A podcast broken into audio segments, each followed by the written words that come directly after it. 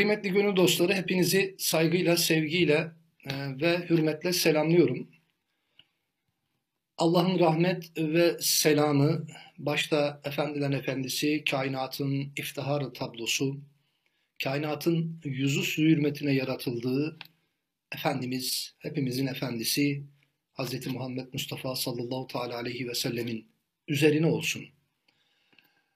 Onun hayatını anlatmaya devam ediyoruz. Onun siyerini anlatmaya devam ediyoruz. İnşallah kronolojik olarak Allah Resulü'nün doğumundan inşallah Allahümme errefikal ala duasına kadar, onun Rabbine likasına kadar nasip olursa inşallah o sergüzeşti hayatını mevsuk kaynaklardan anlatmaya devam ediyoruz. Neden onun hayatı?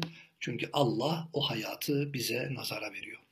Her türlü probleminizin çözümünde onun hayatına, onun bıraktığı sünnete, onun reçetelerine müracaat ederseniz size mutlaka bir takım uçlar bırakmış olduğunun farkına varırsınız. Evet Hoca Efendi bunu belirtirken diyor ki bugün insanlığın karşılaştığı ve boğuştuğu problemlerin çözümüyle alakalı Allah Resulü sallallahu aleyhi ve sellem yaşayarak ve tavsiyeleriyle esasen öyle reçeteler yazmış ve öyle açık uçlar bırakmıştır ki eğer o açık uçları takip ederseniz veya o açık uçları tutarsanız günümüzün ilmi gelişmesiyle, kültürel gelişmesiyle, sosyolojik gelişmesiyle beraber onları adeta bir hamule haline getirecek olursanız işte insanlığın ve insanın problemlerini çok daha rahat çözersiniz. Hem de bu çözme esasen bir yönüyle isabetli bir çözüm olmuş olur. Hem bu meselelerinizi ve problemlerinizi çözerken eğer Allah Resulü sallallahu aleyhi ve sellemin sünnetine ittiba edeyim diye e, niyet de ederseniz sünnete ittiba etme sevabını da alırsınız.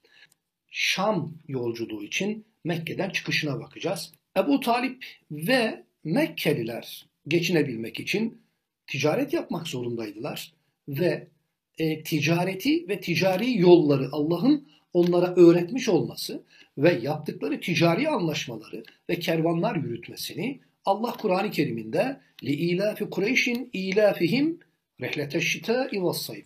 Yani yaz kış kervanlar yürütmeyi bir ikram olarak Allah'ın Kureyş'e bahşetmesini Allah yine ayet-i kerimede Kur'an'da bu şekilde dile getirecek. Evet Ebu Talip de o kalabalık ailesini geçindirmek için Şam'da yani e, işte bir kervanla mallarını derleyip toparladığı mallarını yani ticari emtihasını satmak ve Şam'dan da tekrar bir şey almak üzere yani Şam'a doğru e, şeddiri haleden bir kervana o da katılacak ve her zaman dediğimiz gibi diyelim Allah Resulü sallallahu aleyhi ve sellemin o aslına hayalen gidip onu o asırda seyredelim. Allah Resulü sallallahu aleyhi ve sellem 13 yaşındadır ve Ebu Talib'in adeta makas gibi kollarını açarak Ebu Talip tam yola revan olacağı, herkesle vedalaştığı bir anda Allah Resulü ona diyecektir ki ey amcacığım beni kime bırakıp gidiyorsun? Ne annem var ne babam diyecek. Beni de götür diyecek. Esasen Allah Resulü'nün yani Ebu Talib'in belki bu esasen ilk yani e, kervan yürütmesi veya kervana ilk katılması değil. Allah Resulü Şam'a doğru yola çıkan bu kervana bu kadar ısrarla katılmak istemesinin nedenlerinden bir tanesi ben metafizik olarak biraz Rahip Bahira'ya bağlıyorum. Oraya geldiğimiz zaman anlatalım. Allah Resulü neden acaba bu kadar ısrarla amcasıyla beraber yola gitmek istedi? Ebu Talip de ben seni muhakkak yanımda götüreceğim. Ne ben sensiz yapabilirim ne de sen bensiz yapabilirsin deyip gözyaşları içerisinde onu bağrına basacak ve beraber yola çıkacaklar. Evet yaklaşık olarak Busra Mekke'ye 1617 kilometre uzaklıkta bir şehir yani yaklaşık olarak bugünkü ölçümlerle 1700 kilometre uzaklıkta olan yani Busra kenti bugün e, Şam yani büyük şehirlerden Şam'a yaklaşık olarak 140 kilometre Mekke ile Busra'nın arası yaklaşık olarak 1700 kilometrelik bir yoldur yaklaşık olarak. iki aylık bir yolculukla o günkü deve ve o günkü kervanın hızına göre söylüyorum. iki aylık bir yolculukla ancak ulaşılabilir. O gün büyük şehirlerden bir tanesi Bizans'a bağlı bir şehir e, ve e, gidenler bilirler. Bir kere gitmeyi Allah nasip etmişti. E, ve bugünkü o gerek kolozyum, çok büyük bir kolozyum var. E, ondan tutun yani antik tiyatroya kadar ve o, o şehrin antik yani kalıntılarına baktığınız zaman o günkü şehrin nasıl hareketli ve nasıl büyük bir şehir olduğunu her halinden anlıyorsunuz. Ve adeta bütün ticari yolların kavşak noktası gibi işte yani oraya doğru yaklaştığı zaman Ebu Talib'in ve Efendimizin içinde bulunduğu kervan e, Busra'ya doğru yaklaşıyor. Biz onları Busra uzakta görünsün. Onları orada bırakalım. Busra şehrine gidelim. Busra'da bir manastırın içerisinde yaşlı bir zatı tahayyül edelim, görelim. Hatta ziyaret edelim. Normalde gelip geçen onlarca, yüzlerce kervanla hiç ilgilenmeyen bu insan Mekke kervanının, Kureyş kervanının, Hicaz kervanının Busra'ya doğru yaklaştıkça onları bir bulutun takip ettiğini işari olarak belki görecek. Yani belki de herkesin göremeyeceği bir şey. Belki bununla alakalı Rahip Bahira meleke kesbetmiştir. Belki Rabbinden çok samimane ahir zamanda beklediğimiz ve bizim İncil'imizde ve tefsirlerinde okuduğumuz bu zat buraya gelirse ben onu mutlaka göreyim, bana bir işaret, bana bir emare diye belki çok samimane yapmış olduğu dualardan dolayı Allah ona işaret göstermiş olabilir. Hani programın başında dediğimiz gibi Allah Resulü'nün bu kadar istekli davranmasının amcacığım beni de götür demesinin altında belki Rahip Bahira'nın bu yapmış olduğu samimi dualar vardır diyebiliriz. Allahu alem bir sevap en iyisini ve en doğrusunu Rabbimiz bilir. Dolayısıyla Rahip Bahira bu ihlaslı, bu samimi, bu yürekten, bu ciğerden, isteğinden dolayı Allah işte o on yıllardır nöbetleşe birbirinize Hristiyan din alimleri olarak devrettiğiniz o gelirse bakın yani burada yazıyor belki buraya da gelecek diye nöbetleşe bir emanet gibi devrettiğiniz o zat geliyor o bulutu görüyor. Hatta başka rivayetlerde yine belki sadece onun samimiyetine binaen tekrar söylüyorum gördüğü o kervan geçerken ağaçların reverans ettiğini böyle adeta secdeye kapanıyor gibi kapanıp kervan geçtikten sonra tekrar düzeldiğini görüyor.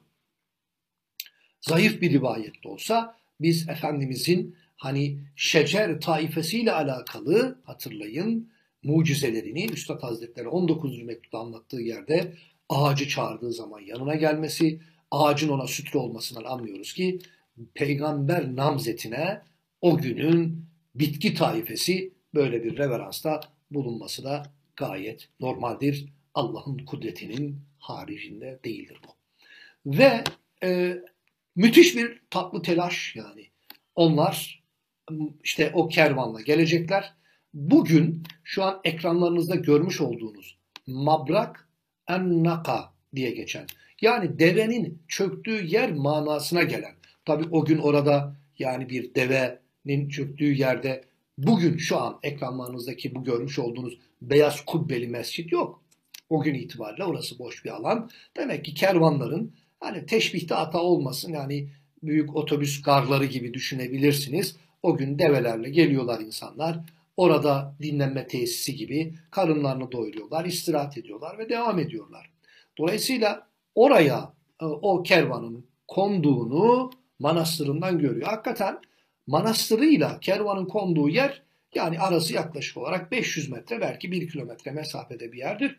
Onu işte o manastırından görünce yani o bulutun da oraya kadar geldi, o kervanın oraya kadar gelip konduğunu görünce hemen yardımcılarına emrediyor, bir yemek hazırlatıyor ve diyor ki Kureyş kervanının tamamını kimler varsa hepsini buraya davet edin. Davet ediyorlar ve şu anda enkazı veya yıkıntıları var. Tamamen muhafaza edilmemiş ama ekranlarınıza geldiği şekilde tam burada bu görmüş olduğunuz yerde Allah Resulü olmadan yani diğerleri burada yemeğe geliyorlar. Fakat o kadar dikkatlidir ki, dikkat buyurun. Rahip Bahira. Bazı kaynaklarda gerçek isminin Cercis olduğunu biz okuyoruz. Rahip Bahira da kendi o günkü dillerinde, kullandıkları dillerde seçilmiş manasına geliyor. Cercis yani sıfatı itibariyle Rahip Bahira aradığını bulamıyor. Ve diyor ki hiç gerinizde terk ettiğiniz birisi var mı yani hani gelmeyen? Diyorlar ki 13-15 yaşlarında bir çocuk, bir genç develerimize ve yüklerimize göz kulak olsun diye onu orada bıraktık. Yani o mabrak annaka. Bugün Allah Resulü'nün işte orada oturduğu yerde hatta o taşın yeri de bellidir bugün itibariyle. Ve e, diyor ki onu da çağırın. Ve Allah Resulü sallallahu aleyhi ve sellem o manastırdan içeriye doğru yürüyor.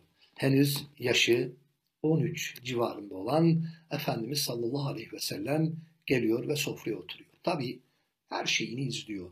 Adeta şöyle düşünün dört kamerayla izliyor gibi izliyor yani öyle.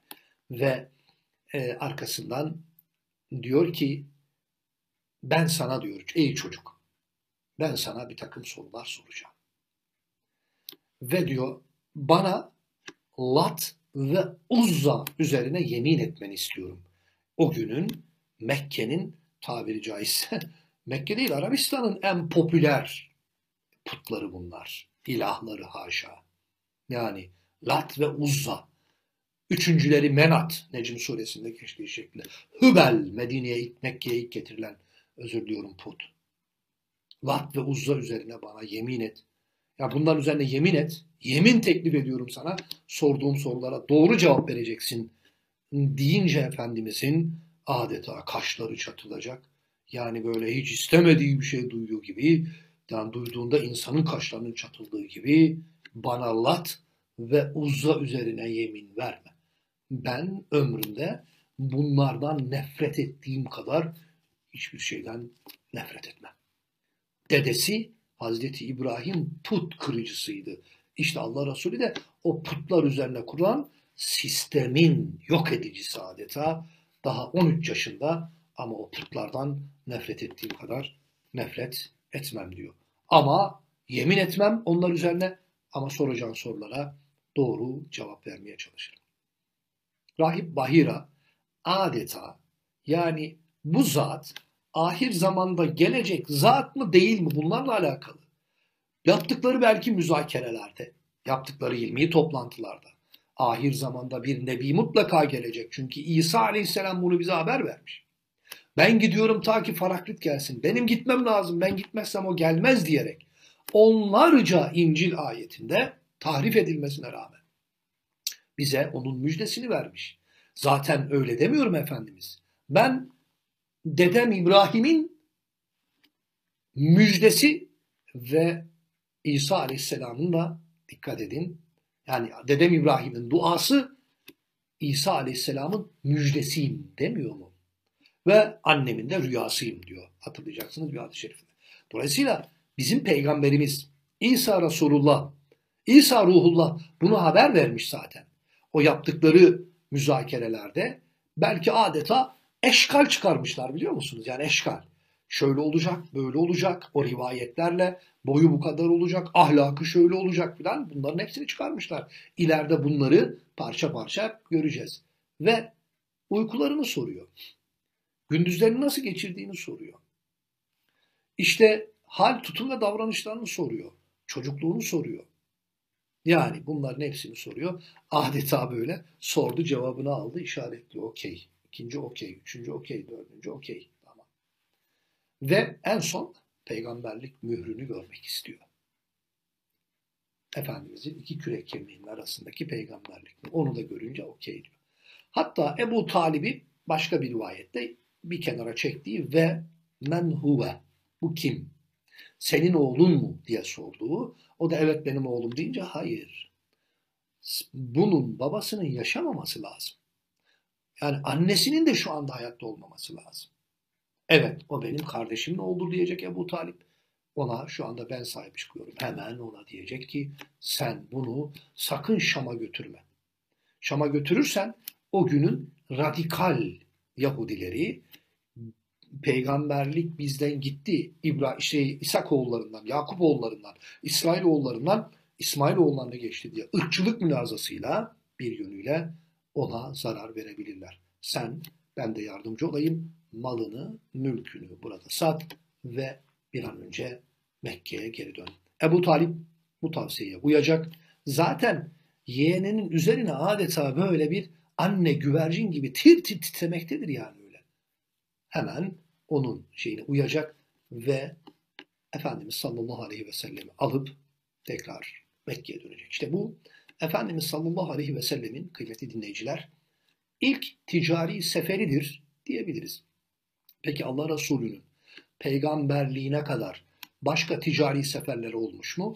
Zaten onun hayatını anlatıyoruz. Bunları ilerleyen derslerde haritalar vasıtasıyla, fotoğraflar vasıtasıyla anlatacağız ama şu kadarını söyleyeyim. 12 sene sonra bir kere daha bu tarafa gelecek ve bu sefer Hazreti Hatice annemizin kervanlarını, daha sonra amcası Zübeyir'le Yemen'e, hatta Bahreyn'e kadar biz Allah Resulü'nün ticari seferler için gittiğini okuyoruz. Neden? Efendimiz 25 yaşında evleniyor Hazreti Hatice annemizle. Hazreti Hatice annemiz çok zengin bir kadın ve bu kadının eşi olarak 15 yıl peygamberliğine kadar Allah Resulü ticari faaliyette bulunuyor. Belki başka hiçbir peygamberde olmayan bir hususiyettir. Efendimizin peygamberliğine kadar geçim kaynağı tamamen çocuğunun çocuğunun rızkını bunun üzerinden kazanıyordu. Evet, tacirdi ve ticaretle uğraşmıştı. İkinci bugünkü konu başlığımız Allah Resulü'nün adeta kurucu üye olduğu diyebiliriz. Hılful Fudul'dan bahsedeceğim. Allah Resulü artık 20'li yaşlardadır. Yani peygamberliğine yaklaşık olarak 20 yıl kadar bir süre var ve Allah Resulü sallallahu teala aleyhi ve sellem 20. yaşlara geldiği zaman kurulan bir derneğe üye oluyor. Öncelikle modern zamanlar açısından müsaade ederseniz şunu söylemek istiyorum. Dernek dediğimiz, vakıf dediğimiz, inisiyatif dediğimiz kurum ve kuruluşlar esasen dikkat edin sivil halkın örgütlenmesiyle kurulan birliklerdir. İşte biz buna yani Türkçe'de STK diyoruz, sivil toplum kuruluşları. İngilizce'de bunun adı NGO'dur, Non-Government Organization yani hükümet dışı yani sivil kuruluşlar manasına gelir. İşte mesela Osmanlı bir vakıf kültürüdür adeta. Yani esasen ülkelerin hani maddi gelişmişliği kişi başına düşen milli gelirle ölçülür. Kültürel gelişmişliği yani üretilen bilgi, yazılan kitap, makalelerle ölçülür. Dikkat edin medeni gelişmişlik. Yani vahşi bir toplumdan, dikkat edin diktatöryal bir toplumdan medeni gelişmişliği ise o yerdeki, o ülkedeki NGO'ların yani e, hükümet dışı gönüllü, gönüllü kuruluşların, sivil toplumun ne kadar ve ne şekilde örgütlendiğiyle ölçülür adeta. Mesela komünizme bakın halk örgütlenmez. Tek bir örgüt vardır tabiri caizse pozitif manada söylüyorum o da devlettir. Onun haricinde devleti rahatsız edecek hiçbir örgütlenmeye, hiçbir sivil kalkışmaya tabiri caizse hiçbir sivil oluşuma diktatöryal rejimler izin vermezler. Bugün yani çok rahatlıkla bunu Türkiye'de de görebilirsiniz. Üçüncü dünya ülkelerinin çoğunda da görebilirsiniz. Yani hep kendisine bağlı, kendisini rahatsız etmeyecek yöneticilerin işte sivil toplum kuruluşlarını desteklerler ama muhalif olanları hemen sindirmeye gayret gösterirler. Evet dönelim asr-ı saadete. Asr-ı saadette de yani Allah Resulü'nün geldiği dönemde adalet kavramı Kaf Dağı'nın arkasındaydı. Hadi o zaman şöyle diyelim yani. Kuaykan Dağı'nın arkasındaydı diyelim yani. Öyle adalet diye bir şey yoktu. Zengin e, daha zenginleşiyor, fakir daha fakirleşiyor. Güçlüden yana adalet sistemi tamamen. Eğer güçlüysen hakkını elde edersin, zayıfsan hakkını unut. Yani bir bardak su iç üstüne onu da bulabilirsen yani. Ve işte bu derneğin Hılful Fudul diyoruz biz bu derneğe. Hılful Fudul derneğinin kurulmasına sebep olan olayı şöyle anlatıyorlar. As bin Vail, Amr bin As'ın babasıdır bu. Yemenli bir tüccarla alışveriş yapıyor. Ve Yemenli tüccar ona e, mal veriyor. Ama As bin Vail bugün vereceğim, yarın vereceğim. Malı bir türlü iade etmiyor. Ya parasını vermiyor. Malı da istiyor, onu da iade etmiyor. Yani e, adam ne yapacağını şaşırıyor. Müracaat edeceği bir mahkeme yok. Müracaat edeceği bir e, şey yok. Evet yani biz e, Efendimiz'den önce cahiliye döneminde de dikkat edin. Ticari uyuşmazlıkları çözmek için bir takım kurum ve kuruluşların olduğunu okuyoruz. Yani hani kamu hukukuna bakan cihetiyle okuyoruz ama bunların hepsi güçlüden yana. Ne yapıyor bu adam? Bakıyor olacak gibi değil. Hemen şu an ekranlarınızda gördüğünüz Cebeli Ebu Kubeys ki Safa Tepesi'ne en yakın. Başka bir rivayette de Safa Tepesi diye anlatılır. Cebeli Ebu Kubeys'e çıkıyor. Ya sabahah diyor. Yani onlar Mekkelilere hitap ederken demek ki böyle hitap ediyorlar. Yok mu aranızda şerefli bir insan diyor. Benim malımı aldı vermiyor. Parasını vermiyor. Malımı istiyorum onu da iade etmiyor. Hemen olmaz mı tabii? Hakikaten de başta Efendimizin Müslümanlığa yani İslam'a yetişememiş öz amcası Zübeyir olmak üzere hemen birkaç kabileden faziletli birkaç insan. Onun için bunu derneğin ismi Hılfül Fudul. Hılf anlaşma demek Arapçada. Hılf yani he ile yazılır. Hılf yani anlaşma, bir araya gelme, sözleşme. Fudul da fazıl yani onun çoğulu faziletliler anlaşması manasına gelen hılful fudul olacak zaten. O faziletliler bir araya gelecekler ve ne yapacaklar? Kabe'nin gölgesine gidip yani bir koku kabının içerisine ellerini batıracaklar.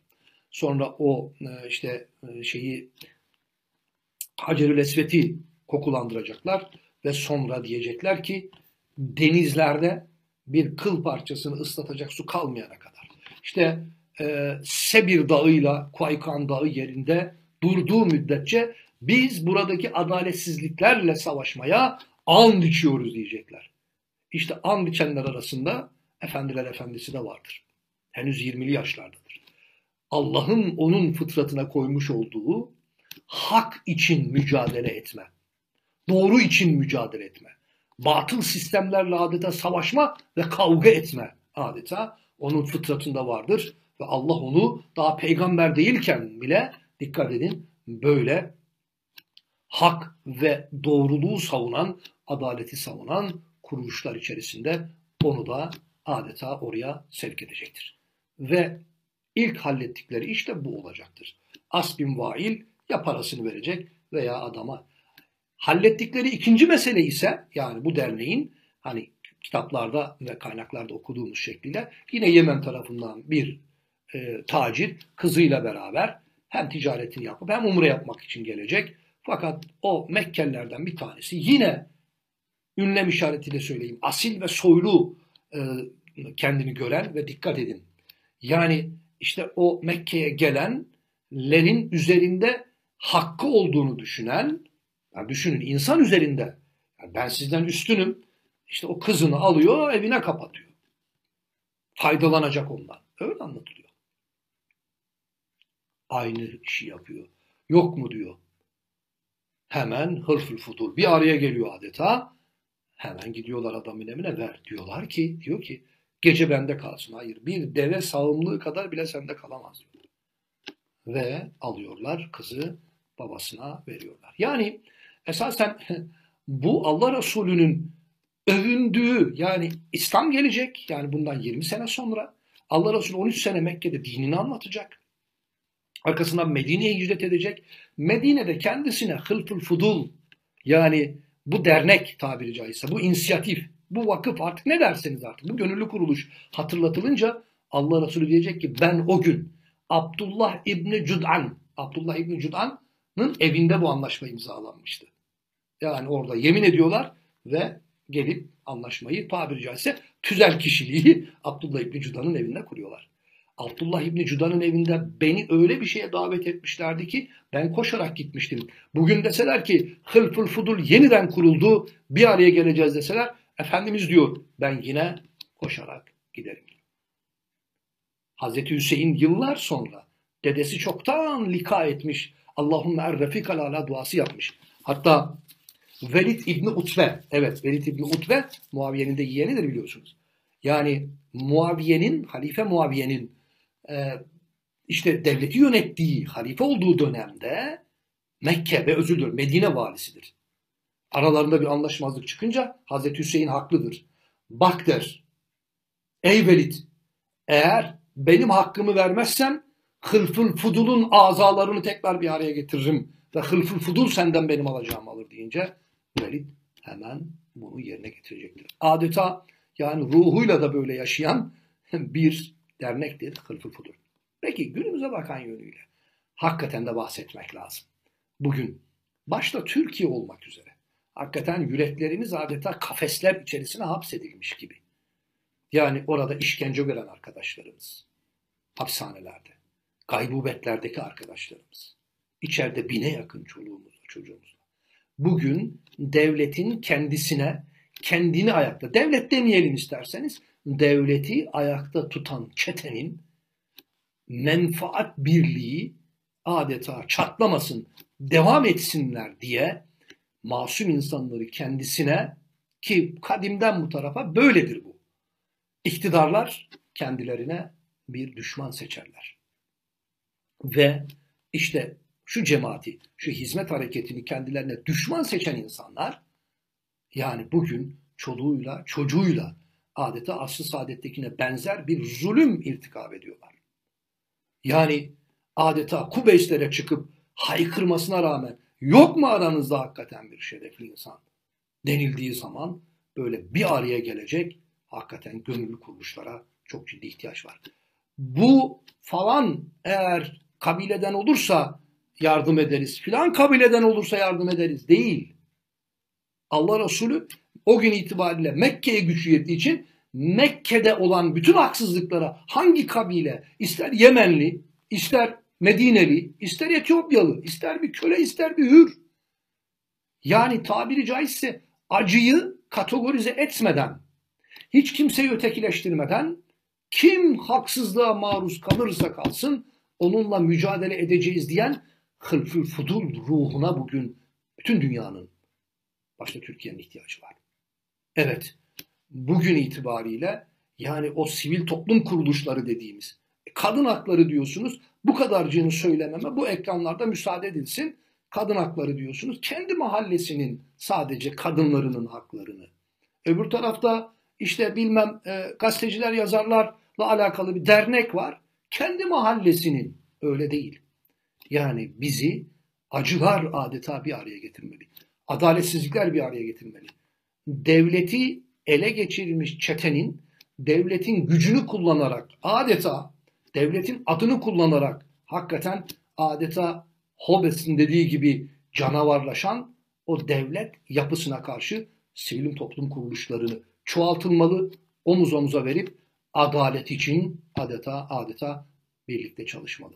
Biz bunun örneğini yine Allah Resulü'nün hayatında işte bu şekilde okuyoruz. Allah Resulü'nün hayatı bu yönüyle de bize örnek. Mevla ülkemizdeki adaletsizlikleri, ülkemizdeki zulmü bir an önce bitirsin inşallah. Halkın adalet için, hak için, hukuk için etnik gruplara ayrılmadan, senin benim mahallem demeden bir araya gelip güzel günlere beraber, adaletli günlere, hukukun olduğu günlere beraber yürümesini Rabbimden dileyerek bu haftaki sohbeti de burada bitiriyor. Hepinizi Allah'a emanet ediyorum.